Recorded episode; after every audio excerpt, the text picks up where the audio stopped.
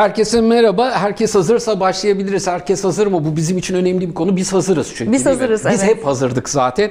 Ee, aslında çok önemli bir konu konuyu konuşacağız. Çok önemli bir kitabın çerçevesinde bir izinde konuşacağız. Bunu hepiniz gayet iyi biliyorsunuz. Evrim'le birlikteyiz. Evrim Kur'an'la beraber tırnak içinde lansman tanıtım siz nasıl tanımlarsanız o toplantıyı, o buluşmayı gerçekleştiriyoruz çevrim içi ortamda. Tırnak içinde diyorum. Ee, çünkü aslında bu kitap bir şekilde lansmanını, tanıtımını, buluşmasını yaptı bile. E, raflara çıkalı, yayımlanalı çok çok az bir zaman olmasına rağmen son zamanlarda ben hem e, yazılı basında hem dijital medyada ama bundan daha önemlisi okurun kendi arasındaki Fısıltı gazetesinde çokça duyuyorum kitabı. Çok memnun oluyorum. Kitabın çok okunuyor Evrim onu söyleyeyim. Lansmanın ilk cümlesi bu olsun. Çokça e, okunmasından çok mutlu oluyorum ama hemen de oradan başlayalım istiyorum. Şimdi bu coğrafya, bu toplum göç kavramıyla göçebe olmak, göçer olmak, göçüp gitmek, göçmemek, kazık kakmak bütün bu kavramlarla çok hemhal olmuş bir e, coğrafyadır. Ve fakat bu içinde bulunduğumuz dönem bu birkaç seneye yayılıyordur belki. Şimdi senden öğreneceğim bunu bir araştırmacı olarak sen daha iyi bana anlatacaksın. Bu konuları okumak, anlamak, bu konulardaki istatistiklerden anlam çıkarmak, buradan bir gelecek projeksiyonu yapmak konusunda isteğimiz, kaygımız, arzumuz var. Kitabının çok kısa sürede böylesine büyük bir ilgi görmesi de bana bunu kanıtladı gibi geliyor. Biz bu konuya neden bu kadar düşkünüz? Wow, tam bir e, Yekta Kapan'a yakışır zorlukta bir birinci soruyla başladım. Daha basit bir şeyle başlayabilirim. Nasılsın? Yekta'cığım çok iyiyim. Seninle Harika. birlikte çok daha iyiyim. Bir kere yani senden e, böyle bir şey duymak beni heyecanlandırdı, çok mutlu etti. Söylediğin gibi çok kısa bir süredir kitap e, e, raflarda. Ama e, ilgi gördüğünü düşünüyorum. Çünkü evet böyle bir merak varmış. Benim umduğumdan daha da fazla bir ilgi gördü. E, biz zaten göçebe bir topluluk değil miyiz? Göçebe bir komüniteyiz galiba. Değil mi? Anadolu e, insanı olarak göçebe bir komüniteyiz. Göçebe bir topluluğuz. E, Ve göçme eğilimimiz Cumhuriyet tarihi boyunca ve öncesinde de hep yüksekti.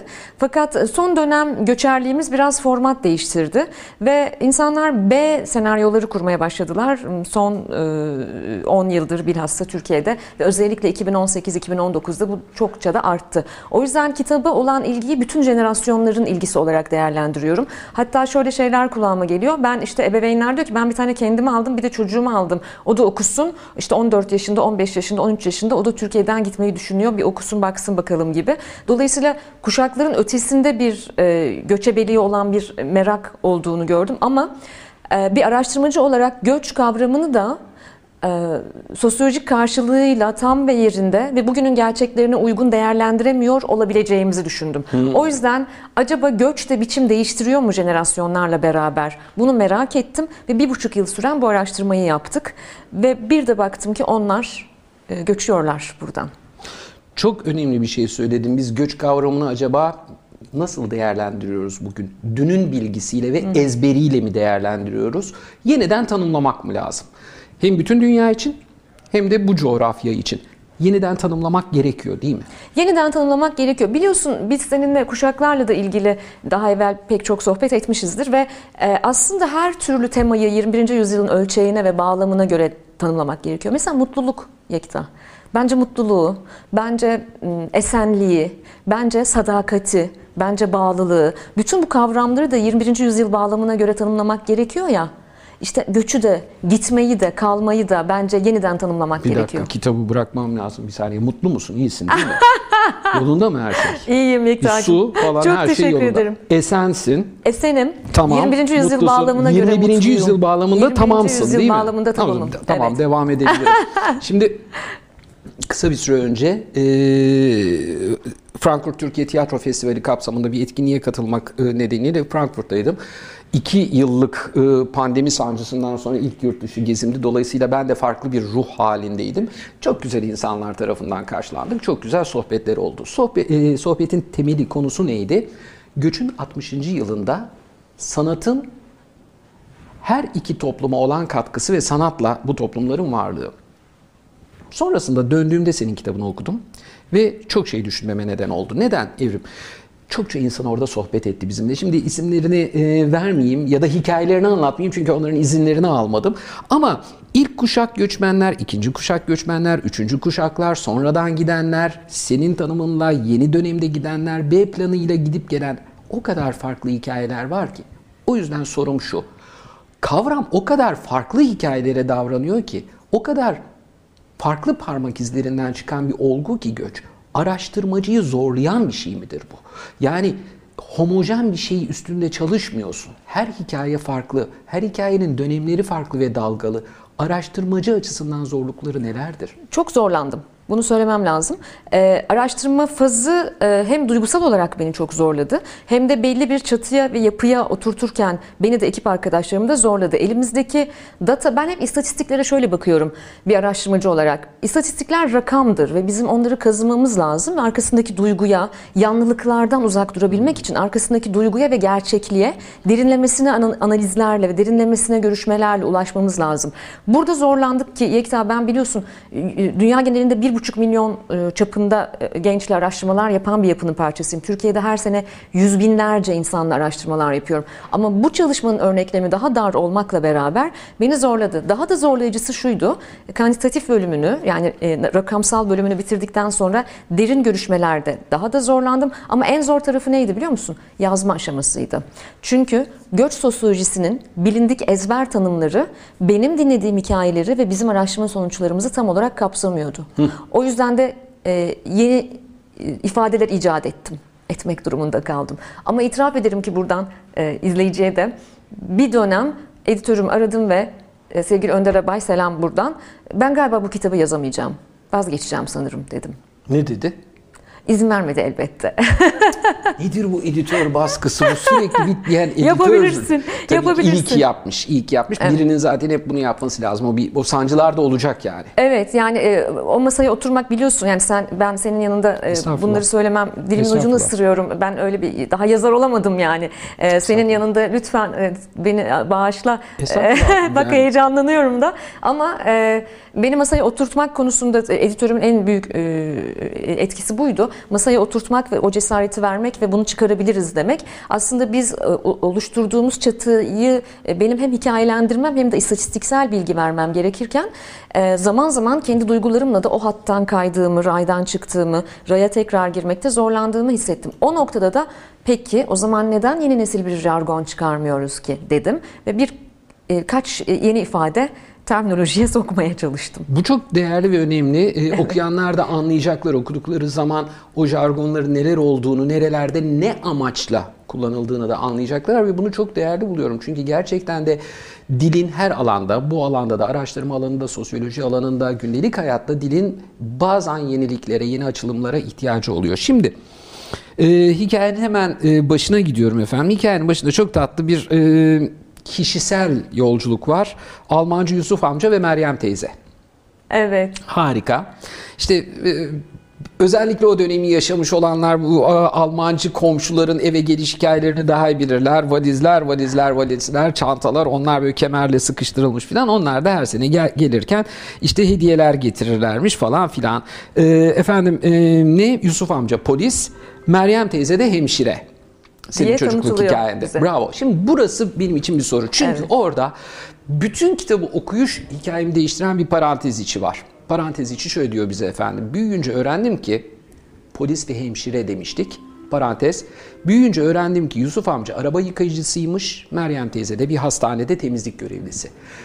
Bizim göç kavramıyla bir türlü doğru bir zeminde yüzleşememe nedenimiz göç eden, göç etmeyi düşünen, B planı olarak elinde tutanın hikayesiyle de yüzleşemememizden kaynaklanıyor. Biz galiba hep o yalana inanmayı, göç edenin mutluluğu, kalanın hüznü, tahta bavul, Haydarpaşa merdiveni, o romantik hikayelere inanıp arka plana bir türlü bakamıyoruz. Doğru mudur bu Muhteşem e, şeyim, bir okuyuş. yaklaşım? Ee, benim için evet e, Yusuf amca ve Meryem teyzenin hikayesini paylaşmak bu anlamda kıymetliydi ve bir e, bir sanrıya bir sanrıya inandığımız 80'ler ve 90'lar da diyebiliriz belki ama ekseriyetle 80'ler bunlar. Bir sanrıya nasıl inandığımızı, nasıl onun peşinde gittiğimizi e, bana e, ikisinin hikayesi çok iyi anlatıyordu. Evet bizim aslında göç kavramıyla barışmadığımız yıllardı bu. Dolayısıyla Yusuf amca ve Meryem teyzeden beklenti e, tabii ki e, Almanya'da Almanya'nın e, acı batan Almanya olmadığını bize anlatmak ve hem finansal hem sosyal olarak çok daha varlıklı ve esenlik içinde bir hayat yaşadıkları hayaliyle bizi Eylül ayında yaz sonunda bırakıp Almanya'ya geri dönmeleriydi. Ve bir sonraki yaza kadar o esenlik hayallerini biz kurmaya devam ediyorduk. Orta sınıf e, çocukları veya işte orta ve düşük sosyoekonomik sınıf çocukları olarak. Bu çok enteresan. Yani bir Amerikan rüyası vardı ya batıda. Aslında bizde de diyelim ki Orta Doğu'da da bir Avrupa, bir Almanya rüyası vardı ve bizim göçü tanımlayabilme eksenimiz orada kaymaya başladı. Göçü başka bir şey zannettik. Tüylü şapkadaki tüy gibi hafif bir şey zannettik. O kadar hafif bir şey değilmiş oysa ki. Evet evet ben de çocukluğumdan hatırlıyorum. Yani e, bu taraftan baktığında dediğin gibi bir e, refah hikayesi, bu mahalleden baktığında da e, Fasching'lerde kaybolan ruhlar hikayesi. Yani orada da biliyorsun çok fena şeyler oluyor yani Evet, oralarda. tabii. Onlar bambaşka bir o batının ahlaksızlığı içinde kayboluyorlar. Bu tarafta da batının varlığı içinde yükseliyorlar falan. Oysa arkada özellikle bireysel hikayelerde bambaşka bir şey dönüyor. Ben böyle yine kişisel hikaye okumalarımdan sorular soracağım ama Lütfen. e, kitaptan da çok uzaklaşmayalım. Bu arada hemen hatırlatmak istiyorum. Kitabın kapağını da bir göstereyim. Kitabı aldığınızda yalnız yanında böyle kulaklar olmayacak. O bana özel. E, bu benim nüsham. Efendim kitap e, Mundi'den çıktı. Mundi de benim çok önemsediğim bir yayıncılık hareketi. E, çünkü özellikle düşünceye e, zihnini açmak isteyen her alanda yani bilimden sosyolojiye, beslenmeden modaya her alanda düşünceye kapısını açmak isteyenler için iyi bir buluşma noktası. Kitaba e, girmek istiyorum. Şimdi göç olgusunu tüm çeşitliliğiyle anlatıyorsun. Zorunlu göç, gönüllü göç, zincirleme göç, vasıflı ve vasıfsız göç, iş gücü, iş gücü göçü, beyin göçü, sanal göç hepsi var. Günümüzde yaşanan daha da önemlisi yaşanma ihtimali olan göçleri en çok hangi sınıfa sokuyorsun bunların içinde? Yeni bir sınıf açtım. En azından bizim için. E, haddim olmayarak sosyoloji bilimine bir önerge olabilir. Zorunlu gönüllü göç diye bir isim verdim bu son e, yeni nesil göç hareketine. E, çünkü bu bizim özellikle 2. Dünya Savaşı'ndan sonra Almanya'nın ve bir, bir takım gelişmiş Avrupa ekonomilerinin işçi ihtiyacı, istihdam ihtiyacını karşılayan işçi göçümüze benzemiyor. 60'lardaki 70'lerdeki göçe benzemiyor veya Türkiye'nin 80 sonrasındaki 80 öncesi ve sonrasındaki siyasal zorunlu göçe benzemiyor. Mesela Almanya'ya giden ve Avrupa ülkelerine giden göçlere bakarsan Yusuf amca ve Meryem teyzenin yaptığı göçe. Bu zorunlu bir göç değil aslında kalabilirler öyle değil mi? Aslında gönüllü bir şekilde göçüyorlar. Ama bir temel farklılığı var. Kazanımlarını gelip Türkiye'ye yatırıyorlar. Ev alıyorlar memleketlerinde e, yazlık villa bir şeyler yaptırıyorlar bahçeli evler yaptırıyorlar falan. E, 80 öncesi döneme bakarsan Yekta çok iyi hatırlarız bizim kuşak çok iyi bilir çok e, önemli insanları sanatçıları zorunlu bir şekilde kaybettik aydınları E, o bir zorunlu göçtü. Fakat şu anda baktığında özellikle de son yıllarda son 3-4 senedir %90'ların üzerinde artmış durumda yurt dışına göçme isteği özellikle genç nesilde. Zorunlu değiller Yekta kalabilirler doğru değil mi? Kalabilirler. Aslında şunu gördüm ki pek gönüllü de değiller. O yüzden bu zorunlu gönüllü göç diye tanımlama ihtiyacı duyduğum bir şey.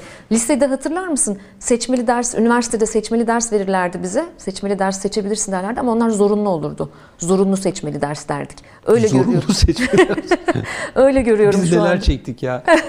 Zorunlu Biraz ona ders. benzetiyorum. Süper, yani evet. e, bir taraftan da tabii bir sanal göç meselesi de var. Sanal göçü de gündemde tutmak isterim. Çünkü göç eskiden fiziksel olarak bir yerden bir yere gitmekti.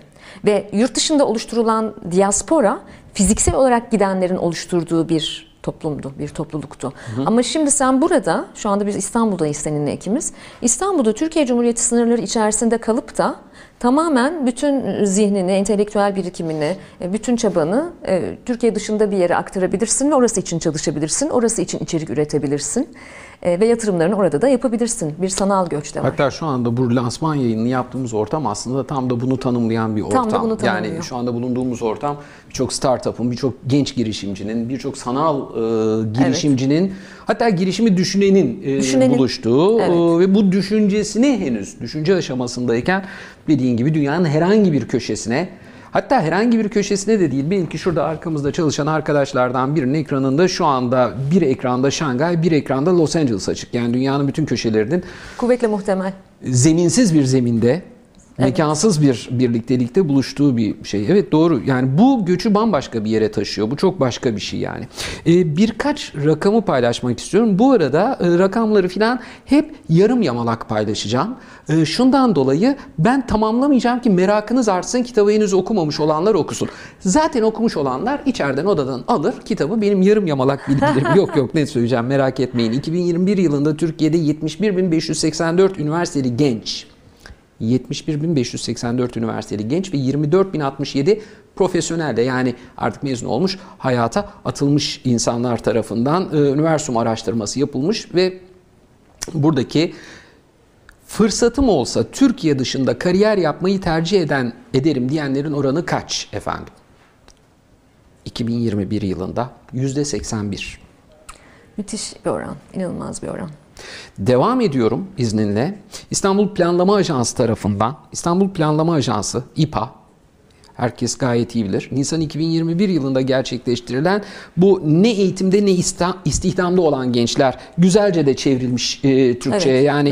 NEET değil mi? NEET yerine NEET'in, böyle demek e, daha güzel Çok oldu. güzel çevrilmiş. Ne eğitimde ne istihdamda olan gençler bu çok hoşuma gitmiş bir e, tanımlama. Bunun araştırmasında yani bu ne eğitimde ne istihdamda olan gençleri bir tanımlar mısın bilmeyenler için? Ee, bu gençler ne herhangi bir kuruluşta eğitim alıyorlar şu anda. Mesleki eğitim olabilir, yüksek öğrenim olabilir vesaire. Ne de bir kurum tarafından istihdam edilmiş durumdalar. Yani öğrenci değiller ama çalışmıyorlar da. Soru şu, neredeler? Ve e, Türkiye'de bu nüfusun oranı nedir? Ee, 18-24 yaş arasında özellikle %29'lara kadar ulaştık çok çeşitli kaynaklara göre. Ben en son e, bu konuyu kendi e, derslerimle arkadaşlarımla paylaşırken 25.6 idi ve 25,6 idi yanlış hatırlamıyorsam. Yani 3 sene önce falan bu konuyu e, gündeme getiriyordum. Ya bu düşer diyordum. Burada şurada hatta altını çizdim. Tam rakamını da. Neyse işte dediğin gibi 29 28.8 gibi bir şey. Gibi bir şey. Şimdi evet yani Düşmüyor, düşmüyor, artıyor. artıyor. Peki efendim bakın burayı böyle tane tane anlatıyorum. Burası çok acayip. Bildiğiniz her şeyi unutun. Bildiğiniz her şeyi unutun. Buranın üstüne yoğunlaşın. Yani bu çok önemli bir mesele. İşte bugün konuşuyoruz. Yani barınma hakkı isteyen gençler var. Yurt dışına gitmek isteyen gençler var. Bugün Türkiye'de birçok mesele konuşuyoruz. Yani e, işte çay fiyatı olmuş 2,4 falan bir düşmüş yani oraları. Ancak oradan satabiliyor üretici. Bir sürü şey konuşuyoruz ya. Burada o. Çünkü bu gençler bu %29'luk 18-24 dedik değil mi? 18-24. 18-24. Bunların %86,87'si Türkiye'de iş bulmanın tanıdık olmadan mümkün olmayacağına inanıyor. Bu nasıl bir güvensizlik? Evet, e, bu bizim 9 yıldır Türkiye'de gerçekleştirdiğimiz bir araştırma Yekta Üniversum araştırması. Ben e, dünyanın 61 ülkesinde çalışır Üniversum. Ben Türkiye liderliğini yapıyorum. Dolayısıyla bu kısmı liyakatla ilgili kısım özellikle hassasiyetle her sene takip ettiğimiz bir bölüm. Ve her geçen sene özellikle son birkaç yıldır liyakata olan inanç düşüyor. Ve nepotizmin çok büyük bir e, zehir ve risk olduğu daha da çok ortaya çıkıyor. Tanıdık, akraba, eş dost olmadan iş bulamazsın e, ve potansiyelini gerçekleştiremezsin deme oranı Türkiye'de çok yüksek. O yüzden de 72 bin, 73 bine yakın gençle yaptığımız çalışmada üniversite öğrencileri bu sene %81'i ben fırsatını bul- bulduğumda gideceğim dedi. %81 ne demek Yekta? Evet. Çok çok Evet. çok yüksek bir oran. Peki Evet. gitmedi diyelim ki kaldı. Kalanlarla da araştırma yapıyoruz. Kalınca da ortalama vasatlık gibi bir başka rahatsızlığımız oluşuyor. Bakın bu çok önemli. Heyecanlandım. Yerimden filan doğruldum. Üniversite öğrencisinin %81'i gideceğim diyor. Burada stüdyodaki arkadaşlarımıza da anlatıyorum. İlkan sana söylüyorum. Bunları not et. %81'i gideceğim diyor. Bu arada bu biraz önce bahsettiğimiz ne eğitimde ne istihdamda olan gençleri. Yani aslında teknik olarak zaten burada da bir şeyleri yok. Bunların da %77'si anında giderim diyor. Ama onların gitme umudu da yok. Onlar yok. gitseler vasıfsız bir şekilde gidecekler. Eğitimleri yok, işleri yok, titrleri yok. Evet başka formüller bularak gitme planları oluyor onların da. Şimdi dolayısıyla e, bugün onlar göçtü burada. Türkiye'nin yeni göç nesli metnini oluşturmak e, aynı zamanda yazarına birazcık kaygı ve hüzün de veren bir şey miydi? Bu açılardan yazarken nasıl bir ruh hali, nasıl bir dönüşüm geçirdin diye sormak isterim. Ee, çok boyutlu bir soru, çok güzel bir soru ve çok boyutu var. Canım çok yandı. Ben Can'ın yandığında daha iyi yazdığını düşünürüm, daha güzel ürettiğini. Zaten derdim de biraz bu can acısını üretime evirmekti, çevirmekti. Çünkü ben de 5 yıl önce göçmüştüm ülkeden ve benim çocuğum da yeni bir e, nesil evlat olarak Türkiye'nin dışında eğitim görüyor ve yaşıyor. Ee, kendi hikayemle e, ortak noktalar bulmak canımı daha da acıttı. Dünyanın neresine gidersek gidelim hepimizin hangi sosyoekonomik seviyede olursak olalım bilhassa son dönemlerde hepimizin çok benzer duygularda, benzeş duygularda olduğunu gördüm. E, benim canımı çok acıttı bu. Bir taraftan da tabii bir gençlik araştırmacısı olarak ve ülküsü, e, kişisel ulvi amacı Türkiye'de gençlik istihdamına katkıda bulunmak olan bir araştırmacı olarak bu çocuklar döner mi? Nasıl dönerler? Nasıl çevireceğiz biz bu o, olağanüstü bilgi birikimini ve bu yeni diasporayı Türkiye'ye fayda olarak, yenilik olarak, aydınlık olarak nasıl çevirebileceğiz? Sorusu çok ama çok meşgul etti beni. Bugün daha da çok meşgul ediyor. Bugün çalışmalarımı daha da fazla işin o boyutuna e, transfer etmiş durumdayım. Bendeki dönüşümü böyle oldu. Kendi göç hikayemi şifalandırdı. Göç sürecinde çektiğim sıkıntıları belki şifalandırdı bir miktar. Yalnız olmadığımı gördüm. Ama bugün her zamankinden daha çok ve daha fazla Türkiye'nin yeni nesli için e, çalışmak, üretmek zorunluluğunu hissediyorum. Umutlu bir insan mısın sen? E, haddinden fazla ümit var bir insan olduğumu uzmanlar söylüyor, terapistler Yekta'cığım. Çünkü onun da bir kıvamı var ya. Terapistlere bu sorulabiliyor mu böyle? Evet, sorulabiliyor. Ne tatlıymış terapiste gidiyorsun ben ümit var mıyım? Evet evet haddinden fazla değil mi? Çok tatlıymış. Ay, Sormadan söylüyor benimki. Sormadan söylüyor. Diyor ki senin e, bu ataşmanının ve e, bazen tutunduğun şeyi kolay kolay bırakmamanın sebebi biraz gereğinden fazla ümit var olman. Umut bazen e, tehlikeli ve yıkıcı da olabiliyor bir miktarı. Konu nereye gidecek Nereye acaba? Ne kadar konuşacağız biz? Çünkü biz, çünkü şu anda öyle bir noktaya girdik ki buradan çıkamayacağız gibi geliyor Evet ama bana. sen toparlarsın. Var var. Ama Terry Eagleton'ın kitabında burada hemen bir şey yapalım mı? E, İyimser olmayan umut çok güzel kitap bak. O çok iyi anlatıyor. Evet doğru. İyimser olmayan olmak Evet. diye bir şey. Doğru. Şimdi e, biraz önce bir şey dedin ki bu süreçte ben evet gerçekten de bir dalgalanma yaşadım. Ama o dalgalanmanın içinde kendi göç hikayemin sağaltmasına da tanık oldum bu sürecin. Sıkıntılı mıydı senin hikaye? Elbette çok sıkıntılıydı. Ee, hala göçmenim, hala e, bir hayli uzak bir yerde yaşıyorum. E, şu anda işlerim sebebiyle Türkiye'deyim ve çok özlüyorum çocuğumu mesela. E, çok sıkıntılıydı çünkü e, ben çok e, kendimi dünya vatandaşı, çok esnek ve çok dayanıklı biri olarak tanımlarken hikayenin e, hiç de öyle olmadığını gördüm. E, küçük karabalık analojisini, hikayesini çok kullanıyorum. Benim de o derenin nerede bittiğini görmem ve o okyanusları, büyük denizleri görmem gerekiyordu git- gitmeden evvel. Ama gittiğimde aslında hikayenin pek de öyle olmadığını gördüm. E, ve m, türlü sıkıntılar yaşadım. Büyük bir e, deformasyon sonra da reformasyon sürecinden geçtim. E, göç canımı çok acıttı. Çıktığım göç yolu beni çok hırpaladı. Ama benim içimden başka ve yaşamı daha çok seven bir kadın da çıkardı. Onu da söylemem lazım. Ee, ve e, neden Türkiye'ye dönmem gerektiğini ve burada yaşamam gerektiğini de bana çok iyi anlattı yaşadığım göç dönemi. Harika. Burada çok şey yapmayacağım. Duygusal bir yere girmeyeceğim. Duygusal bir yere girilebilir ama başka bir yerden devam edeceğim ki kitapta kalalım. Tamam bu senin hikayen. Senin hikayen hüzünlü, dertli olmuş ama içinden başka bir ikinci sen çıkmış. E, o da çıkmış belli ki bu arada. Gerçekten e, ikinci bir sen çıkmış içinden. O da ayrı bir şey. Onu da gördüm yani. Hmm, Biraz kilo verdim de e, Evet çok güzel harikasın. Ama bir yandan da şöyle bir gerçeklik var. Ee, hem bu araştırmayı yaptığınızda burada tanıklıklarını e, bizimle paylaştığınız, hikayelerini bizimle paylaştığınız isimlerde şu anda kimin hikayesiydi hatırlamıyorum ama El, e, Ela'nın hikayesi olabilir emin değilim. Hayır efendim ben gayet de iyiyim. Ee, geldim ve burada gayet iyiyim ve buradayım artık. Karışmayın bana.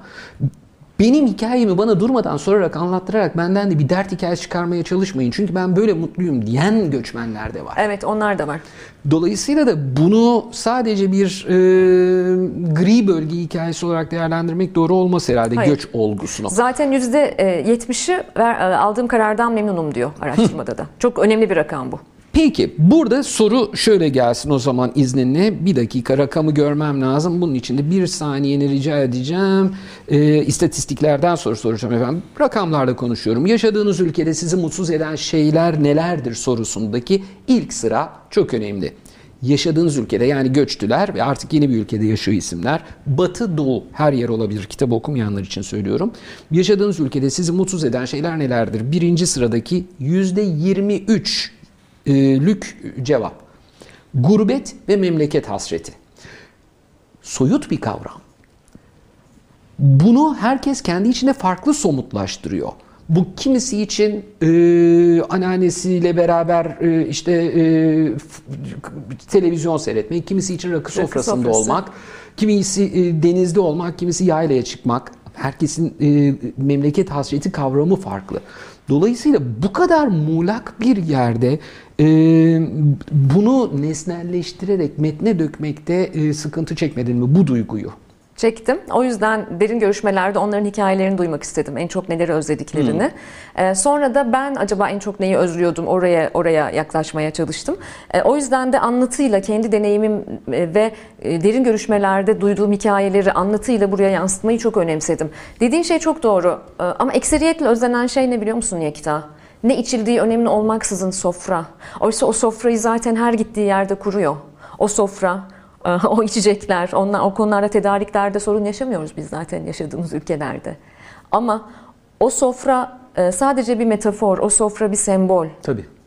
O sofranın her an, her gün, yarın yeni katılımcılarla değişmesi, e, o ihtimal var ya, yarın hemen bir telefonla birilerinin gelebilmesi ihtimali. Bence e, ben bir parmaktaki bir kağıt kesiği diye tanımlıyorum göçü, gurbeti. O kağıt kestiği öyledir ya. Onunla yaşayabilirsin. Ama böyle bir canını bir acıtır ve gün içinde seni rahatsız eder. Ve o kağıt kesiği iyileşene kadar hep onu hissedersin. Böyle bir duyguydu bence. Ve katılımcıların anlattıkları hikayelerde de bunu çok hissettim. Ee, o ihtimal, o her an seninle kavuşabilme ihtimali. Bak biz seninle kaç aydır bir araya gelip bir yemek yiyeceğiz. Aramıyorsun.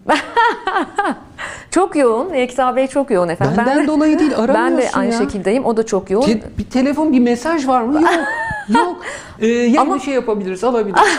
Gerçekten. Bunlar konuşulsun artık. Yayında madem böyle dedi konuşulsun. Ama bu ihtimali sorularıma seviyoruz. devam Bu ediyorum. ihtimali seviyoruz değil mi? Aynı kentteyiz ve aynı ülkedeyiz ve e, bu ihtimali seviyoruz. Ya romantikleştirme. Bu ihtimali sevmeler, denize bakıp hayal kurmalar. Ya öyle yakında değil. gör- yakında yemek yiyeceğiz. Hayır efendim. Şimdi yakında yemek yiyeceğiz deyince mesela şunu söyleyeyim. Çok doğru bir şey söylüyor. Ben bugün buraya geldiğimde yoğun bir tempo içinde e, açtım ama Allah o tip bir açlıkla sınamasın. Benimki sadece bir geçici o anda bir şeyler yeme ihtiyacıydı. Sağ olsunlar bana bisküvi aldılar. Ee, ve burada işte bisküvi yedik ee, aç olan arkadaşlarımla beraber insanın kendi dilinde o anı paylaşması bile çok acayip bir şey. Değil mi? iki tane bisküvi, iki yudum çay kahve yani o an dediğin gibi sofranın ne rakı sofrası mı, ee, işte bir ee, atıyorum bayram sofrası mı? Bu değil. Önemli olan orada kiminle ne konuştuğun. Şu soru gelsin. Ee, kitapta cevabı var aslında. Ama senden bir genel bilgi olarak alacağım bunu. Ee, dünyada iz bırakmış onlar artık göçmen mi demeliyiz onu da bilmediğim çok değerli isimler var. İşte Aziz Sancar'dan Murat Günel'e, işte Feryal Özel'e, Ayşem Sunal. Ayşem benim çocukluk arkadaşımdır. Ee, nice isimler var.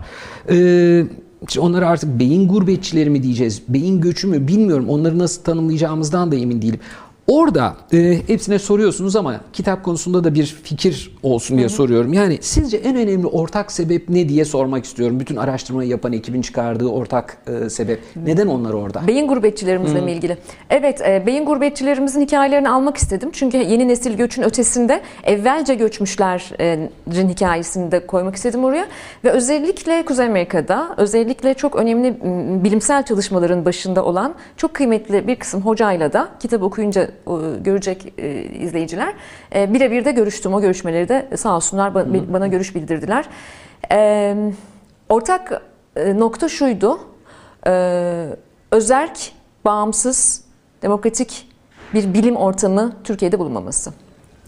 Çok net. Kitapta da zaten birkaç çok önemli isim buna benzer şeyler söylüyor. Bir daha söyler misin? Çok güzel de tanımlaman. Özerk. Özerk, bağımsız, demokratik bir bilim ve bilimsel üretim ortamının bulunmaması. burayla ilgili başka şey sormuyorum Ee, ve hemen çok önemli bir kavram o kavrama da geçmek istiyorum. Yine kitaptan bir küçük fragman vermiş olalım geri dönüş miti. Ee, beni çok e, etkilemiş bir bölüm. Ee, çok şey öğretti o bölüm ee, bana e, onunla ilgili okuduklarım ama senden de bir dinlemek isterim. Evet, e, geri dönüş miti 1970'lerde göç sosyolojisine ve jargona girmiş bir ifade. E, Pakistan orijinli göçmenler İngiltere'ye yerleştiğinde ortaya çıkıyor bu tema ve e, elbette insanlar göçtükleri zaman bir gün ülkeye nasıl, ne hangi şartlar altında döneceklerinin planlarını yapıyorlar. E, aslında bizim mesela Avrupa'ya, Almanya'ya verdiğimiz işçi göçünde de böyleydi. Nasıl e, döneceğim, nereye döneceğim? Mesela bir sayfiye yerine mi döneceğim? Orada bir yazlık alayım, köye mi döneceğim? Köyde kendime bir ev yaptırayım gibi. Ee, ve fakat şunu gördüm, yeni nesil göçte geri dönüş mitinin de biçim değiştirdiğini gördüm. Ee, ve geri dönüş mitini çok biçimlendiren bir şey var. O da şu, memlekete yatay mı döneceğiz, dikey mi konusu. Ee, ne demek yatay Evet. mı, dikey mi dönmek? Evet. Ee, biz bir uçağa bindik gittik, bütün göçmenler gibi. Bir, birer uçağa bindik gittik, yeni nesil göçmenler. Ee, eğer yatay e, dönerseniz uçağın e, yolcu koltuğunda dönemezsiniz. Uçağın yolcu koltuğunda ülkeye geri dönecekseniz dikey dönmeniz icap eder. Yani bu benim oturduğum gibi dikey. Yatay dönenler var bir de Yekita'cığım. Onlar da e, uçağın bagajında bir kutunun içerisinde dönen insanlar. Şimdi bunu ben e, trajik bir yakınlık yaratmak için bunu anlatmıyorum. Kendi deneyimimden yola çıkarak geri dönüş mitiyle ilk karşılaştığım zaman ilk göçtüğüm aylardı. Aklımı sürekli meşgul eden soru şuydu. Bugün burada ölsem beni nereye gömüleceğine nasıl karar verecek insanlar? Çünkü 8500 kilometre uzaktaydım. Ve nereye gömüleceğime benim adıma mı karar vereceklerdi? Bu kafaya çok taktığım bir soruydu. Bir süre paylaşmadım kimseyle. Sonra yavaş yavaş araştırmalar da kafamda şekillenmeye başladıkça göçmen dostlarımla, başka ülkelere göçenlerle ve en nihayetinde de bu araştırmada görüştüğüm insanlarla bunu konuştum ve fark ettim ki meğer bütün göçmenlerin kafasında böyle bir geri dönüş mitine dair bir metafor var. Nasıl döneceğiz? Nereye gömüleceğiz? Sağ mı döneceğiz? Ee, öbür türlü mü? Ee, geri dönüş miti tam olarak bunu anlatıyor. Ben dikey dönmek istiyorum Yekta Türkiye'ye. O şey de çok enteresan. Bunu tabii benle değil terapistinle konuş. Bir türlü ölü dönmek, ölüm ve ölü lafını kullanmadın. Yani öbür türlü mü dedin, yatay mı dedin, kutu dedin ama onu kullanmadın. Çok enteresan. Annem falan izliyorsa annem babam belki Ne izliyor diyeceğim, olabilir. Allah uzun, sağlıklı, üretken ömürler Amin versin. Nice hepimize. nice kitaplarını okuyalım. Ee, biraz önce sana hmm, sorduğumda umutlu bir insan mısın ya da senin hikayen hüzünlü müydü dediğimde e, kendi hikayendeki hüznü e, anlattın. O hüznün içinde inanılmaz tatlı, kitapta da belki de 8-9 satırda geçen bir Cadılar Bayramı hikayen var. Fakat e, o kadarcık hakkım olsun anlatmanı istemiyorum. Tamam. Çünkü e, yani kitabı alın istiyorum. Yani açıkça söyleyeyim işte kitabı okumamış olanlar alsın okusun. Aldığınızda o Cadılar Bayramı hikayesi gerçekten çok tatlı. Yani 8-9 satırda çok şey anlatıyor. Bence de. Ee, bunun gibi başka şeyler var mı? Ya şu anda hikaye anlat, anı programına dönsün diye demiyorum ama var mı hiç aklında? Ee, e, tabii olmaz olur mu? Çok e, çok var. Yani beklenmedik şeyler oluyor değil mi orada? Beklenme yani şunu demek istiyorum. Normalde burada duysan yani çok da dönüp bakmayacağın bir şarkıyı duyunca hüzünlenmek de bir şeydir. Ya da işte gülmeyeceğin bir şeyi gülmek de bir şeydir. Bir anda bütün sinir uçları çok açılıyor herhalde. Çok açılıyor tabii. Yani şimdi benim hikayeme bakılacak olursa kitapta bundan bahsetmedim ama bilenler, beni tanıyanlar biliyorlar. Ben mesela e, gittim ve e, Kuzey Amerika'ya göçtüm, Kanada'ya göçtüm Türkiye'den. Ve benim gider gitmez ilk yaptığım şeylerden bir tanesi e, bir bağlama yaptırmak oldu kendime. E, Sevgili Erdal Erzincan e, yaptı bağlamamı Türkiye'de. Onun atölyesinde bir bağlama yapıldı ve bana tü- e, 8500 kilometreden Türkiye'den bağlama geldi. Peki bunu ve ben de- ders almaya başladım. Şunu bilmiyorum senin Türk halk müziğine olan ilgin İlgim vardı. ve doğrudan bağlantın, organik bağlantın zaten tamam. Var, Bunda bir sorun evet. yok da çalıyor muydun? Hayır. Ha, bir anda çalasın geldi. Çalasım geldi. Sonra e, Türkiye'deki dostlar biraz endişe etmeye başladılar. Yani ne oluyor acaba yani bu hani çünkü çok yoğun bir tempom var Yekta inanılmaz çalışıyorum seyahatler falan ve ben çok düzenli olarak dersler almaya hatta e, e, e, doğru türkü söyleme dersleri de almaya başladım. Şu anda durum nedir peki? Şu anda mesela hakikaten Öyle, Şu an- öyle bir program yapsaydık. Değil mi? sürpriz size bir bağlama Sürpriz, çıkardık. E, Lansman dediğinde birazcık bence hareket olur. Bir şarkı falan. Şu anda durum nedir yani? Şu anda türkü- söylüyorum. Bir süredir çalmıyorum. Derslerime ara verdim. Aa, ama onu yapma. e, Toronto'da bağlamam. Evimde duruyor. E, döndüğümde inşallah yeniden başlamak istiyorum. Yani Kanada'daki evimde bağlamam beni bekliyor şu an. E, bunu şimdi Speakers Agency bir yerden duymuş, not etmiştir. Sana bir burada da ikinci bir bağlama hediye ederler herhalde artık o kadar. Buradan evet Speaker Agency'ye Onayladınız mı? sesleniyoruz efendim. Canlı yayın çünkü. Ve canlı yayında söyletmiş oldum değil mi? Evet. Tamam. İyi bir bağlama olsun ama öyle şey doğru düzgün bir şey. Bir de hoca bir de hoca lütfen hocam da Toronto'da çünkü. Tamam onu hepsini ayarlarlar. Ee, genç düşsüzlüğü hem çok güzel, çok şiirsel gibi duran e, bir e, tanımlama hem de çok üzünlü. Genç düşsüzlüğü nedir? Ee, Şimdi biz e, bizim artık dilimize pelesenk olmuş ve bazen o kadar çok bu datayı tekrarladıkça e, sanki anlamsızlaşan bir meselemiz var Türkiye'de. Bence Türkiye'nin en büyük meselesi. Az evvel NEET'te ne istihdamda ne eğitimde olanların oranında bahsettiğimiz gibi genç işsizliği gibi bir sorunumuz var. Cumhuriyet tarihinin üniversite mezunu genç işsizliğinde rekor sayısındayız. 1.1 milyon üniversite mezunu işsizimiz var Yekta. Eğitim görmemişler işte ne istihdamda ne eğitimde olanları falan bir tarafa bırakalım. Bunların hepsini topladığın zaman bunu sadece işsizlik olarak tanımlamak kolay değil. Önceki kitap için e, onunla da ilgili seninle bir söyleşi yapmıştık hatırlarsan Z1 kuşağı anlamak kitabı için yaptığımız araştırmalarda şunu gördük. Hem düşük hem yüksek sosyoekonomik seviyedeki gençlerin hayal kuramadığını gördük. Hayal kurmak bugüne ve geleceğe olumlu atıflarda bulunma becerini geliştirir. Öyle değil mi? Sen memleketin en büyük hayalperestlerinden birisin bir öykücü olarak. Bugüne ve geleceğe olumlu atıflarda bulunma becerin de seni hayatta tutar ve ayakta tutar. Biz gençlerde bu kasın çok zayıfladığını gördük. O yüzden e, ülkeye dair, ülkenin bugününe ve yarınına dair olumlu atıflarda bulunabilseler, hayal kurabilseler gitmeyeceklerini düşündüm. Ve bunu genç işsizliğinin ötesinde genç düşsüzlüğü olarak tanımlamak istedim. Güzel ama gerçekten hüzünlü bir tanım. Hüzünlü. Hüzünlü bir tanım. Yani bu e, ne yazık ki e, Benim hayallerim vardı. Sen var mıydı e, 18, 15, 17? Benim vardı. Ankara'da geçen ilk gençlik. benim hayallerim mi var mıydı? Evet. Bilmem ben öyle yaşıyorum zaten. Dedin ya biraz önce zaten öyle yaşıyorum. Yaşayabilir misin Yekta? Başka türlüsünü de Mümkün bilmiyorum değil. Yani, yani. 45 yaşındayım şu anda ve e, 7 yaşında, 9 yaşında, 12 yaşında nasıl hayal kuruyorsam ve bunun sosyoekonomik seviyemizle hiçbir alakası yok. Yok. Yok bu başka bir şey. Ben mesela gerçekten kaç aydır bir yemek yeriz diye hayal ediyorum. Bir ararsın sorarsın. Yok hiç hayal. Bunlar hep hayal. Ee, şimdi şu ilginç bir şey. Ee, çok affedersin sen kameranın başında değilken hareket ederek her şeyi mahmı ettim ben. Böyle durmam lazım. Çok affedersiniz. Şimdi yapabilir miyim? Çünkü öyle sormak istiyorum. Şu çok ilginç. Dünyada e, kendi bulunduğumuz coğrafyada da güvenlik temel sorunlarımızdan biri haline gelmeye başladı. Bunu öncelikle soruya geçmeden göçten bağımsız bir durum olarak söylüyorum. Güven güvende hissetmiyoruz kendimizi hiçbir anlamda.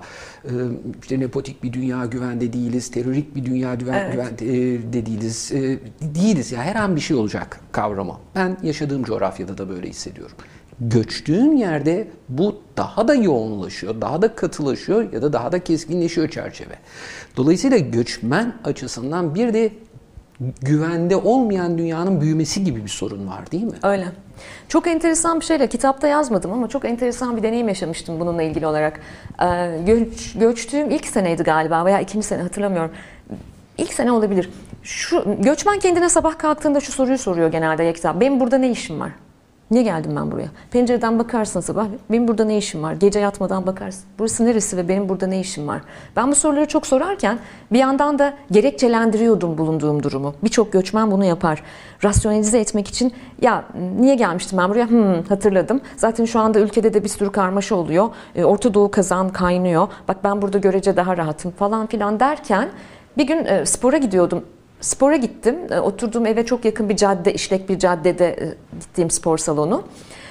E, spor salonundan tam çıkarken bütün salondaki ekranlara acil durum haberleri düştü ve bir tuhaf bir saldırı oldu ve 11 sivil kadın öldürüldü. Spor salonumun olduğu Aa, binanın Toronto'da. önü Toronto'da. Yani bilirsin sen North York'ta. tamam. Ve çok işlek bir yer orası. Evet. Çok da e, göçmenin olduğu bir yer. Özellikle e, Koreli, e, uzak doğulu göçmenlerin Doğru. çok olduğu bir Hemen bölgede arkasında yaşıyordu. bir yerde Çin mahallesi gibi bir Aynen şey var öyle. zaten. yani çok çok göçmen olan bir yer. Ee, ve çok enteresan e, bir deneyimdi benim için bu. Tam salondan çıkıyordum ve hatta o zaman çalıştığım spor hocama da beni rahat bırak ben bugün 5 dakika 10 dakika erken çıkmak istiyorum falan derken eğer gerçekten 5-10 dakika erken çıksam e, o kat, bir katliam oldu yani. O, o katliama belki ben de kurban gidecektim ve dedim ki evet dünya küresel olarak gerçekten çok güvensiz bir yer. Ne, ve nerede olduğumuz e, önemli olmaksızın. E, bir yandan da e, bu bir terör saldırısı değildi ama e, e, ruhsal rahatsızlıkları olan bir kadın düşmanı hatırlarsın medyada çok yer aldı. Evet, evet. Bir kadın düşmanı genç çocukcağızın e, 11 tane kadını katlettiği bir katliamın ortasında kala kaldım. Yani o, salonu terk edemedim hemen eve gidişim uzun sürdü falan filan. Şimdi dünya çok güvensiz bir yer kesinlikle. Göç ettiğimiz yerlerde de Alice Harikalar Diyarı'nda diyemeyiz. Ee, kimi yerde terör oynayamayız. oynayamayız. Ama her yerde güvensizliği yaşıyoruz. Bir türü var ki güvensizliğin o konuda vicdanımızı rahat ettirirsek o zaman biraz daha rahat üretebiliyoruz. O da kayırmacılık var mı yok mu ülkede? Nepotizm gibi bir dert var mı? Yoksa terör e, ya da işte e, vahşet, saldırı, doğal afetler bunlar her an her yerde başımıza gelebilir. Ama elimizde olanlar var hala. Elimizde olan Orada güven güvende unsurları. hissetmek istiyor insan İşte insan kendini. bari orada güvende hissetmeli. Peki şöyle bir şey var mı? Evrim e, benim işte e, yine yakın e, son 3-4 sene içinde göçmen olmuş bir arkadaşım. İşte konuşuyoruz sık aralıklarla. E, ve e, aynen orada çok daha bu anlamda sosyal haklar, sosyal devlet e, hakları, işte e, kayırmacılığın olmadığı bir yerde falan rahat olduğunu hissediyor. Ve hep konuşmalarımızda burada yaşanan kötü bir şeyden dem vuruyoruz. Bir konuşmamızda dedim ki ya güzel bu aralar burada her şey dedim. Demek ki öyle hissediyormuşum. Hani burada her şeyin güzel olduğu bir an yok tamam da yani öyle hissediyorum. Ben iyiymişim yahu. Benim iyi olma hakkım yok mu yani? Ben iyiymişim dedim. Mutsuz oldu bundan. Göçmende hep şöyle bir duygu var mı? Yani mutsuz oldu derken bunu anladım. E, Mutsuz oldu suratına asmadı ama anladım. İstiyor ki geride bıraktığı o ülkede e, çünkü var bir e, geri dönüş miti içinde. Orada bir şeyler ya mutsuz olayım istiyor gibi. Doğru böyle mi doğru mu Ee, anlamışım? bilinçaltımızda böyle bir şey olabilir çünkü rasyonelize etmeye çalışıyoruz. Oradaki varoluş sebebimizi gerekçelen, gerekçelendirmeye çalışıyoruz. Bunu özellikle derin görüşmeleri yaparken, hikayeleri dinlerken bir kez daha anladım. Elbette memleket çok güzel olsun, refah içerisinde olsun, her şey iyi olsun. Üst katmanda bunu isteriz tabii ama derinlerimizde bunun böyle oluşu acaba hata mı yaptım sorusunu daha çok getirir ve o zaman ayakta kalamaz göçmen. O yüzden bence gerekçelendiriyoruz böyle. Zaten memlekette de işler iyi gitmiyor gibi. Şimdi ben e, bir e, Türkiye'ye geri dönüş yolundayım. E, Yakında dönmeyi planlıyorum. Artık 5 yıllık göçmenliğimi sonlandırma Bağlamayı da getir. kararındayım. almasın Evet, yeniden, bağlamayı da getir onu. getirsem mi yoksa orada yok, bağlama getir çalmak isteyen birine mi armağan olmaz. etsem Ha, bak o falan. daha güzel. Çünkü orada daha Aa, zor bağlamayı harika. erişmek. O daha evet. güzel. Gelmeden birine armağan etmeyi düşünüyorum. Oradaki fikir. bağlamamı burada zaten aileden kalma bağlamalarımız da. Vardır bizi şu anda Toronto'dan izleyen mutlaka. Şu Kesinlikle anda vardır. not Ee, alıyorlardır Selam bunu. sevgi. Seni de çok seviyorlar biliyorsun. Aa, ben de bayılıyorum. Toronto'ya da bayılıyorum. Orada çok sevdiğim insanlar Ee, her var. zaman bayılıyorum. sana selam sevgi gönderiyorlar ve en kısa zamanda seni Toronto'da görmek istiyorlar. Evet evet gideceğim Elçiye ya, bayılıyorum. zeval olmaz. Bayılıyorum. Hemen hatta bu hafta çağırsalar giderim. Vallahi bayılıyorum. Çünkü e, çok çok güzel bir okur e, kitlesi çok, de var. Çok olağanüstü insanlar. Evet.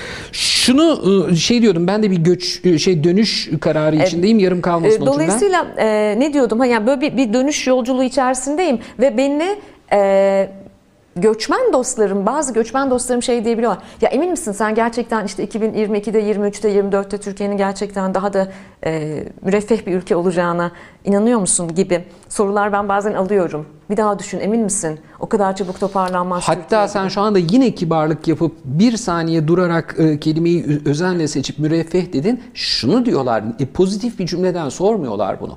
Türkiye 2023-24'te daha da beter olacak, mahvolacaksınız. Böyle bir beklenti var evet. Bu, bu beklenti aynı zamanda galiba dediğin gibi bir rasyonalize etme ipi, halatı ona tutunarak olabilir. Peki e, bu kitaptaki e, göçmen hikayelerinde e, şunu görüyoruz. Bu göçmen hikayeleri şunu söyleyeyim ki özellikle işte 60 sene önceki göçmen hikayeleri gibi değil, genç göçmen hikayeleri. Gidilen ülke fark etmeksizin çoğu giden ilk gittiğinde bir dayanışma ortamı bulamadığını söylüyor. Neye bağlıyorsun bunu? Harika bir soru. İlk gittiğinde ortasında ve sonunda e, herkese sordum bu soruyu. Dayanışma var mı? Kişisel olarak bana sorulsaydı dayanışma yok derdim. Benim e, çok sevgili dostlarım var. Buradan Toronto'ya, Innisfail, Oakville her yere selamlarımı iletiyorum. Ama e, benim için çok zor oldu aslında bunları toparlamak. E, daha kuvvetli bir dayanışma ağı beklerdim. Bunu pek çok farklı kültürde, pek çok farklı e, ülkeye gidene sorduğumda şunu gördüm. Bizim o klikleşmelerimiz ve silolaşma eğilimimiz kültürümüzdeki e, küçük grupların lideri olma e, ve e, kolektif kültürü unutmuş olma halimiz halimizi resmen bilmiyorum nasıl ifade edebileceğim kendimi Sen şimdi o kadar pozitif ifade ediyorsun ki nasıl dikkat ediyor? Ben hiç böyle yapamıyorum. en olumlu şey, kelimeleri havada bir yerde topluyorsun ve onu cümle haline getiriyorsun. Evet. Bekliyoruz biz. Yani e, biz e, aslında bunu da böyle de bir göç vermişiz. Yani dayanışamama kültürümüzü de transfer etmişiz e, giden ülkelerde, gidilen ülkelerde. E, Birçok göçmen insan bu şikayette bulundu bana. Araya gireceğim pardon. Bana Türk dostlarım yardımcı olmadı ama yedi kat yabancılar yardımcı oldu diye. Araya gireceğim şundan dolayı bu ilginç merak ediyorum. Öğrenmek için araya giriyorum. Dayanışamamak kültürü dedin ya. Fakat bir yandan da biliyoruz işte 60'lar 70'ler yurt içi göçte de Türkiye'de de biliyorsun burada işte e, çeşitli köylerin kasabaların kahvehaneleri Evet. vardır. Almanya'ya git Yozgatlılar Mahallesi, Kırşehirliler Mahallesi filan çeşitli şehirlerde. Bizim dayanışamama kültürümüz galiba kendi çevremiz yani şu kadarla sınırlı bunun dışına çıkmamak mı yoksa hiç kimseye mi? Öğrenmek Kendi için küçük soruyorum. e, silolarımızda, kendi küçük e, mahallemizde e, kendi gemimizin kaptanı olma eğilimimiz olduğunu gördüm. Ben mesela farklı kültürlerin bir araya gelmekte çok zorlandığını görüyorum. E, çalışma yaptığım ülkelerde ve yaşadığım ülkede de ki yaşadığım ülkede de çalışma yaptım. Yani e, farklı mezheplerin, farklı e, e, dini inançları olanların, farklı cinsel eğil- eğilimleri olanların e, bu farklılıklarının zenginliğinin farkında olmadığını düşünüyorum. Dolayısıyla çeşitlik, kapsayıcılık bu konulara Türkiye kültürü olarak uzak olduğumuzu düşünüyorum. Ve bunu sadece ben söylemiyorum ve benimle dayanışan e, Toronto'daki dostlarımı tenzih ederek söylüyorum ama e, dayanışma ağının kuvvetli olmadığını düşünüyorum. İnsanların da birbirinden fena halde bir haber olduğunu düşünüyorum. O yüzden dikkat edersen Yekta pek çok e, dünyanın dışında pek çok yerde bir sürü minik minik minik minik Türkiye toplulukları vardır. Minik minik cemiyetler vardır. Halbuki e, tek ve kocaman bir cemiyet halini alabilsek, bir komünite halini alabilsek, birlikte hareket edebilsek bence e, çok daha değerli olur. O ülkedeki diaspora olarak çok daha güçlü oluruz. Mesela şuna çok dikkat ettim. E, göçmen ülkesinde yaşıyorum ben. Öyle bir ülke ki e, mülteci olarak 12-13 yaşında ülkeye girmiş bir genç e, 30 35 yaşına geldiğinde parlamentoda bakan olarak yer alabiliyor. Böyle fırsatlar olan bir ülkedeyim. Ama hiç Türkiye 17-18 senelik bir zaman dilimi içinde. Öyle bir zaman dilimi. Yani işte 3-5 sene işte mültecilik, oturma izni alma bilmem ne vatandaşlık derken hani Ali olabilir mesela şimdi e, değil mi? Ali olabilir tabii ki. Yani Tabii. benim oğlum olabilir eğer isterse. Bu arada ben de olabilirim. Neden olmayayım? İsterim. Ama şimdiye kadar hiç mesela Türkiye'li bir e, vekil, bir temsilci sokmamışız parlamentoya. Çok uzun yıllardır göç alıyor. Bu işte tam da dediğin nedenle. Evet. Çünkü bu e, büyük cemaati oluşturup büyük e, e, söz gücünü oluşturmamaktan öyle. Büyük diaspora olmak bence çok önemli. Ve o zaman göç anlamlı bir hal alır. Ve biz büyük bir e, kuvveti de transfer edebiliriz her anlamda. Düşünsene benim de mesela Kanada Meclisi'nde arkadaşım olur. Ya arkadaşım değil mi? Tamam onun sorun yok değil mi? Çünkü ay- ay- ay- arayacaksın yani onu onu özellikle merak Evet, ediyorum. Tamam. kesinlikle yemek yiyeceğiz peki, birlikte. aa, peki e, şunu sormak istiyorum. Ravenstein'a bir e, atıfta bulunalım. Çünkü kitapta kendisine çokça e, referans var, verilen evet. atıf olan bir isim. Önemli bir isim. Kitabı okuduğunuzda göreceksiniz. Şöyle bir e, sözü var onun. E, kitaba da aldığın. Kentte yerleşik olarak yaşayanlar kırsal kesimde yerleşik olarak yaşayanlardan daha az göç etme eğilimindedir. Onun araştırmayı yaptığı dönemde ortaya çıkan Aynen. sonuç bu. E, ama bugün artık buradan bakamıyoruz herhalde. Bakamıyoruz. Burada hem fikiriz. Tam Evet. tersi kentten daha çok fazla geçiyoruz. Peki Hatta iç göç veriyoruz kentten kırsala. ha harikasın soruyu kendin sordun. Tam da bunu Mesela soracağım. Bu sen- beni çok ilgilendiriyor. Evet. Sen kırsala bir dönem gitmedin mi? Yani Ege'nin kırsalıdır. Şimdi Ege'nin kırsalına gitmek mi bu e, önümüzdeki dönemde araştırılacak bir konu mudur? Ya da bu araştırılsa bir kapı mı açılır? Benim sorum şu değil. E, Ege'nin kırsalına gitmek ya da işte ay tatilde de birazcık 4 ay orada yaşayayım değil. Bu başka. Bu bu hem bir e, bayağı kaçış hikayesi Bu bir exit kapısı ve aynı zamanda bu romantik bu bence artık karşılığı kalmayan bir şey. Bunu bir kenara bırakalım. Benim sorum şu. Türkiye'de özellikle e, ülkenin katma değerinin neredeyse tamamının şu şehre yığıldığı, şu şehrin de birkaç yerine yığıldığı artık dayanılmaz bir ekonomik sancının baskının olduğu bir zamandan geçiyor. Bu sürdürülebilir bir model değil. Değil. Ekonomi açısından da değil, yaşam açısından da değil. E, bugün neden Türkiye'nin birçok daha e, farklı e, coğrafyasında büyük holdingler yani büyük holdingler derken büyük yapılar yok. Var her Yatırımcılar. yeri var.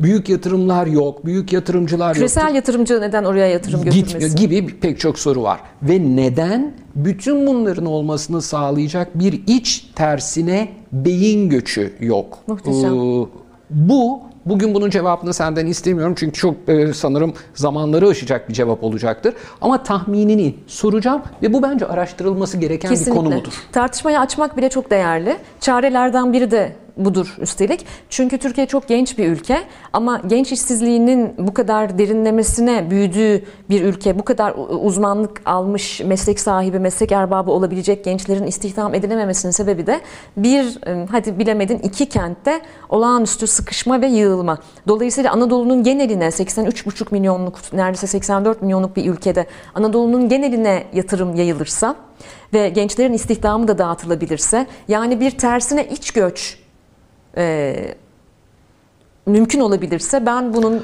çarelerden biri Değil mi? olacağını Hatta bu düşünüyorum. tersine iç göç bile değil tuhaf yani öyle tanımlamak bile bana birazcık şey geliyor ayıp geliyor utanıyorum göç yani diyelim. yani şu iç göç mü diyeceğiz onu bile bilemiyorum ama buna hakikaten çok konuşulması Yani hadi gel köyümüze geri dönelim diyelim. diyelim bravo Ben Z kuşağından e, umutluyum bu konuda. Sürdürülebilirlik, e, organik tarım, e, sürdürülebilirlik ekonomisi, donat ekonomi denen o kavram, doğaya olan hassasiyet, paranın, e, para kazanmanın veya bir şirkette olmanın kar maksimizasyonu değil, fayda maksimizasyonuyla ilintili olduğuna dair gelişen bilinçle belki bugün 5 yıl sonra, 10 yıl sonra değil ama bu kuşak yetişkin olup karar verme me- mercilerine geldiği zaman ben büyük çapta değişiklikler göreceğimize inanıyorum ve çok ümit varım. Ya şu şeyi söyleyeceğim senin de birçoğunu bildiğin şu anda kurum adı vermeyeceğim ama çok değerli çok e, önemli kurumlar e, girişimci ödülleri verirler her sene. Farklı farklı alanlarda işte kadın girişimci ödülü verir, genç girişimci ödülü verir e, gibi gibi. Ve bu ödüller özellikle bir Anadolu'dan bir girişim hikayesinden geldiği zaman Anadolu'nun herhangi bir şehri diyelim bir girişim hikayesi çıkar. Başarmış, işte bir ürün çıkarmış, bir bir şey yapmış, fabrika kurmuş falan filan. Bunun da böyle videoları çekilir, gösterilir falan filan ya. Burada en çok vurgunun o romantik işte Anadolu'nun falanca yerinden böyle bir böyle e, gerçekten böyle bunu bir romantize eden böyle bir hal vardır ya ah canım kıyamam bak nasıl değil yahu. Evet. büyük bir hikaye var ve orada Anadolu'nun çok değerli bir şehrinden çıkıyor bu. Çok değerli bir hikaye var. Biz ne zaman o romantiklikten kurtulup oranın önemli bir yatırım önemli bir ekonomi önemli bir hareket alanı olduğuyla gerçekten yüzleşirsek biraz rahatlayacağız Ya ne güzel söyledin. Ee, bunlar empati yaratıyor. Hatta bir miktar sempati yaratıyor. Empatiyi de az yaratıyor. Ama ben neyin peşindeyim biliyor musun? Araştırma kitapları yazarken, araştırma makaleleri yazarken de ben Daniel Goleman'ın kendi tabiriyle ben empatik ilgi yaratmak peşindeyim. Empati yarattığında şöyle oluyor. Ah canım ne tatlı Anadolu'da harika şeyler oluyor ve empati kuruyorum ve anlıyorum bu başarı hikayesini. Bizim buna ihtiyacımız yok. Bizim empatik ilgiye ihtiyacımız var. Empatik ilgi şunu söylüyor. Burada bir şey oluyor ve size nasıl yardımcı olabilirim? Bu kitap bir şey söylüyor. Bu kitabın örneklemine nasıl yardımcı olabilirim? Ne yapabilirim sorusunu, ne yapabilirim sorusunu sormaya ihtiyacımız var. Köyde gördüğümüz hikaye romantik değil. Göçmenin hikayesi trajik değil. Ee, Y ve Z kuşağının dertleri e, oturalım ağlayalım, üzülelim ve ertesi gün hayatımıza devam edelim gibi hafife alınacak dertler değil. Bu ülkenin empatik ilgiye ihtiyacı var. O yüzden ben de bu romantizme sonuna kadar karşıyım. Umarım bu kitapta da kıvamında tutabilmişimdir kendi hikayemi. Umutluyum, ümit var biriyim gelecekle ilgili. öyle. Ama yine de e, ayakları yere basmayan bir polyanacılıkta oynamamak lazım. Gitmeye karar verenler için de, gidenler için de veya işte onlar gitti kalan sağlar bizimdir diyenler için de. Dilerim en çok kural koyucu bu kitabı içindeki e, araştırmaları okur, dinler, anlar. Kural koyucular bu kitabı okur, dinler anlar dedin değil mi? Evet çok istiyorum bunu. Tamam onu bil. Hayal mi kurdum? Yok hayal kurmadım. Herkes bunu sindirsin diye. Ee, ben de böyle bir bekledim Hayalperest miyim bilmiyorum. Hayır hayır. hayır. Ben e, okur desteğini her zaman çok yanı başımda hissediyorum. Daha çok kısa bir zaman olmasına rağmen e, çok güzel mesajlar alıyorum. Herkese çok teşekkür ederim. Dünyanın dört bir tarafından mesajlar geliyor. İşte e, e, kitap olarak görmek isteyenler vesaire. Ama e, galiba hep beraber en çok kural koyucuya baskı yapmalıyız. Kitabı okuyun, araştırmalara kulak verin de veya başka araştırmalara. Ama Kesinlikle. sahici araştırmalara.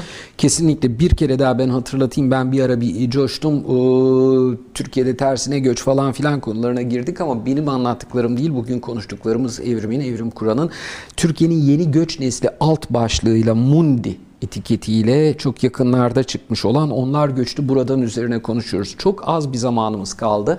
Hatta şunu da söyleyeyim bu lansman, sohbet artık nasıl tanımlayacaksak e, toplantısında dedik ki biraz da soruları falan da alsak sizlerin yani sorularını alsak ama sonra burada e, bulunduğumuz fiziksel koşullarda yönetilebilir bir şey olamayacağını hissettiğimizden yoksa yanlış anlamayın Evrim herhangi bir soru hatta Evrim dedik yani sorular gelsin ben çok coşuyorum sorulara dedi ama yönetilebilir bir şey olmadığından soru almadık ama sorularınız olursa biz Her başka zaman. şekilde buluşuruz başka şekilde Her onları zaman. da cevaplarız. Yine de soru sormayı düşünen, soru soran, bilmiyorum ben şu anda yayında yorum yapan falan ne varsa herkese ben de burada kendi e, adıma karınca kararınca çok teşekkür ediyorum. Çok az zamanımız kaldı. Benim daha sormadığım bir sürü çok güzel olduğuna inan yok şaka yapıyorum. Gayet gayet tatlı sorularım vardı. Ee, Ama sanki bir, e, e, bir de şu şey bir tü- tüyo verelim mi yani şimdi böyle canlı yayında diyorum ama sanki yarın akşam ben de sana mı misafir Ha, olacağım? Canlı yayında tabii tabii bu- konuşabiliyorsak benim Sanki sormadığım çok güzel burada sorularım vardı. Efendim yarın akşam biz burada e, bir Instagram canlı yayınında buluşacağız. Burada şimdi marka adı vermeyeyim. Benim uzun süredir belki takip edenler varsa yaptığım bir canlı yayın o. Instagram canlı yayını yarın 20.34'te buluşacağız. Ee, ç- 21.34 pardon. 21.34. 21.34 30'da dersi bitecek. Ben ona 4 dakika su içme zamanı verdim. 21.34'te buluşuruz. İyi bir zaman. Öyle gülmeyin lütfen. Ee, Birkan lütfen gülmezsen teşekkür ediyorum. Ee, ve kalan 9 sorumu da orada soracağım.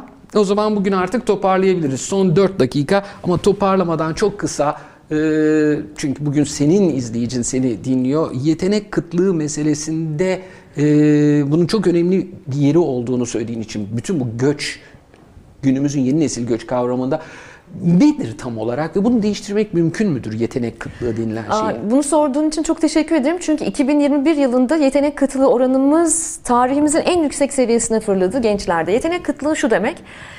Ülkemizin şirketlerinin, ülkelerdeki kurumların, e, şirketlerin ihtiyacı olan 21. yüzyıl yetkinliklerine, yeteneklerine sahip gençlerin istihdam edilebilme oranları düşüyor. Yani arz ve talep dengesinde bir e, şaşmışlık var. Senin ihtiyacın olan profildeki gençlere erişimin zorlaşıyor. Şimdi burada bir tuhaflık var. Çünkü Türkiye'de 207 tane üniversite var ve ön lisansı da dahil edersek 11 milyon öğrenci var. Biliyorsun apartmanların ikinci katlarında falan üniversiteler var. 207 üniversiteli 11 milyon öğrencili bir ülkede ve bu kadar genç olan bir ülkede 53 milyonu 40 yaşın altında olan bir ülkede nasıl yetenek kıt olabiliyor? Türkiye'de şu an yetenek kıtlığı oranı %83 ile rekor bir seviyeye ulaştı. Dünyanın yeteneğin en kıt olduğu, gençlere erişimin, yetenekli gençlere erişimin en zor olduğu dört ülkesinden biri olduk biz. Dünya genelinde de artış var ama %61 seviyesinde dünyada. Türkiye bu kadar genç nüfusuyla bu kadar kuvvetli, bu kadar şiddetli bir yetenek kıtlığı oranında. Bunun da sebeplerinden bir tanesi Türkiye'nin yeni nesil göç kuşağı. Yetenekler göçüyor çünkü. Almanya'ya verdiğimiz göçten 80 öncesi ve sonrası Avrupa'ya verdiğimiz göçten çok daha farklı bir göçteyiz. Türkiye'nin en eğitimlileri, en yeteneklileri göçüyor. Evet özellikle burada Türkiye'nin 3 çok önemli lisesinin e, istatistikleri var. Evet. E, söz eder misin ondan kısaca? Evet, e, aslında genel olarak e, Frankofon liseler ve Alman ekolünden gelen liseler çok kuvvetli bir lise seviyesinde göç veriyorlar. Özellikle burada Alman lisesinde e, çok yüksek oranlar, %90'ı geçen oranlar. %91 gibi Görüyoruz, okudum. evet. Doğru mu? Evet. Yani Ee, benim bazı okurlarım e, kitap okuduktan sonra bazı ebeveyn okurlarımdan da data geldi. E, benim çocuğum da filanca Amerikan okulunda, Amerikan ekolündeki filanca okulda okuyor ve e, bizim okulumuzda da aynı durum söz konusu diye. E, ben birkaç ülke, birkaç e, okulun datasını vermiştim ama e, neredeyse ekol okulların tamamında benzer bir durum var. Ben bunu Kanada'da da çok gözlemleyebiliyorum. E, oğlumun okulunun müdürü şunu söyledi yöneticisi. Biz Türkiye'den hiç bu kadar e, öğrenci almamıştık e, bunca yıllık tarihimizde diye. Çok geleneksel bir okula gidiyor Ali E, ve bu bana hiç şaşırtıcı gelmiyor. Efendim Türkiye'nin ekol okulları, makbul okulları, bilinen okullarında yüzde 80, kimilerinde yüzde 90'lara varan oranlarda ama şunu tekrar ediyorum lise düzeyinde. Lise düzeyinde. 15, 16, 17 yaşındaki arkadaşlarımız, gençlerimiz o yetenek seviyesine, o zihin seviyesine, o bilgi birikimi seviyesine girmiş e, arkadaşlarımız gidiyor, gitmek istiyor ve 13-14 yaşından beri bunun üstüne bir e, şey Kariyer planı kuruyorlar, yapıyor. kariyer planı yapıyorlar. E, konuşacak daha çok konu var ama galiba 1-2 dakikamız kaldı. Bu bir lansman buluşmasıdır. Dolayısıyla artık bu adamın susması gerekir. Son söylemek istediğim bir şeyler var mı seni dinleyenlere? Kitapla ilgili e, senden alalım güzel cümleleri. Bir ricam olabilir. Bu kitabı yazmaktaki birinci motivasyonum buydu. Bir ricam olabilir. Lütfen hayatınızda göçen biriyle karşılaştığınız zaman ona ah ne kadar korkak, ülkede kalıp mücadele edemedi ve kaçtı etiketi yapıştırmayın. Ve tam tersi lütfen ona ne kadar şanslı veya lütfen ona ne kadar cesur bizim yapamadığımızı yaptı etiketi yapıştırmayın. Lütfen göçmeni etiketlemeyin. Yargıların ötesinde bir yerde göç bir tercih bir seçiş ve her seçiş bir vazgeçiş aynı zamanda. Bu perspektifle göçmenliğe bakmalarını isterim ben dinleyicilerden. Harika çok teşekkür ediyorum. Evet gerçekten hani bir ara e, söyledik bu parmak izi gibi herkesin göç hikayesi de farklı ama herkesin göç hikayesini bir e, anlam düzeyine oturtmak istiyorsanız bu gerçekten de yani böyle 1-2 saat içinde okuyacağınız birçok yerini not alacağınız bazı rakamlarla çok şaşıracağınız ve aydınlanacağınız kitap sizin için aslında deyim yerindeyse Türkiye'nin önümüzdeki 10-20 senesinin e, ruhsal da sahtım halini, ekonomik de sahtım halini belirleyecek olan bir yol haritası olacak. Bir pusula gibi bu hep duracak sizde e, alacaksınız. Ya zaten de şöyle bir durum vardı ve yazarından, Evrim Kur'an'dan yenilerini bekleyeceksiniz. Bize Z kuşağını yaptım, bunu da çalıştım. Bir de şurayı eklesek biz bu ülkeyi anlamak istiyoruz. Rakamlar bize anlatıyor. Rakamlardan çok hikayeler anlatıyor. Bu kitapta onlar da var. Evrim Kur'an çok teşekkür ediyorum. Ee, harika bir teşekkür sohbetti. Ee, kitapla buluşun. Daha sonra Evrim'le de kendisi çok zor bulunuyor ama yine de onunla da buluşun. Ee, ve onun haricinde bir de giderken şunu söyleyebilirim. Ee, lansmanı bambaşka bir konuyla kapatıyoruz ama bu bambaşka diyeceğim konu, son söyleyeceğim konu da aslında bizi buraya getiren temel konulardan biri. Barınmak temel bir haktır. O yüzden lütfen gençlerin barınma hakkına özen gösterin, ilgilenin ve onların yanında olun. Çok teşekkürler. Çok teşekkür ederim Ekta.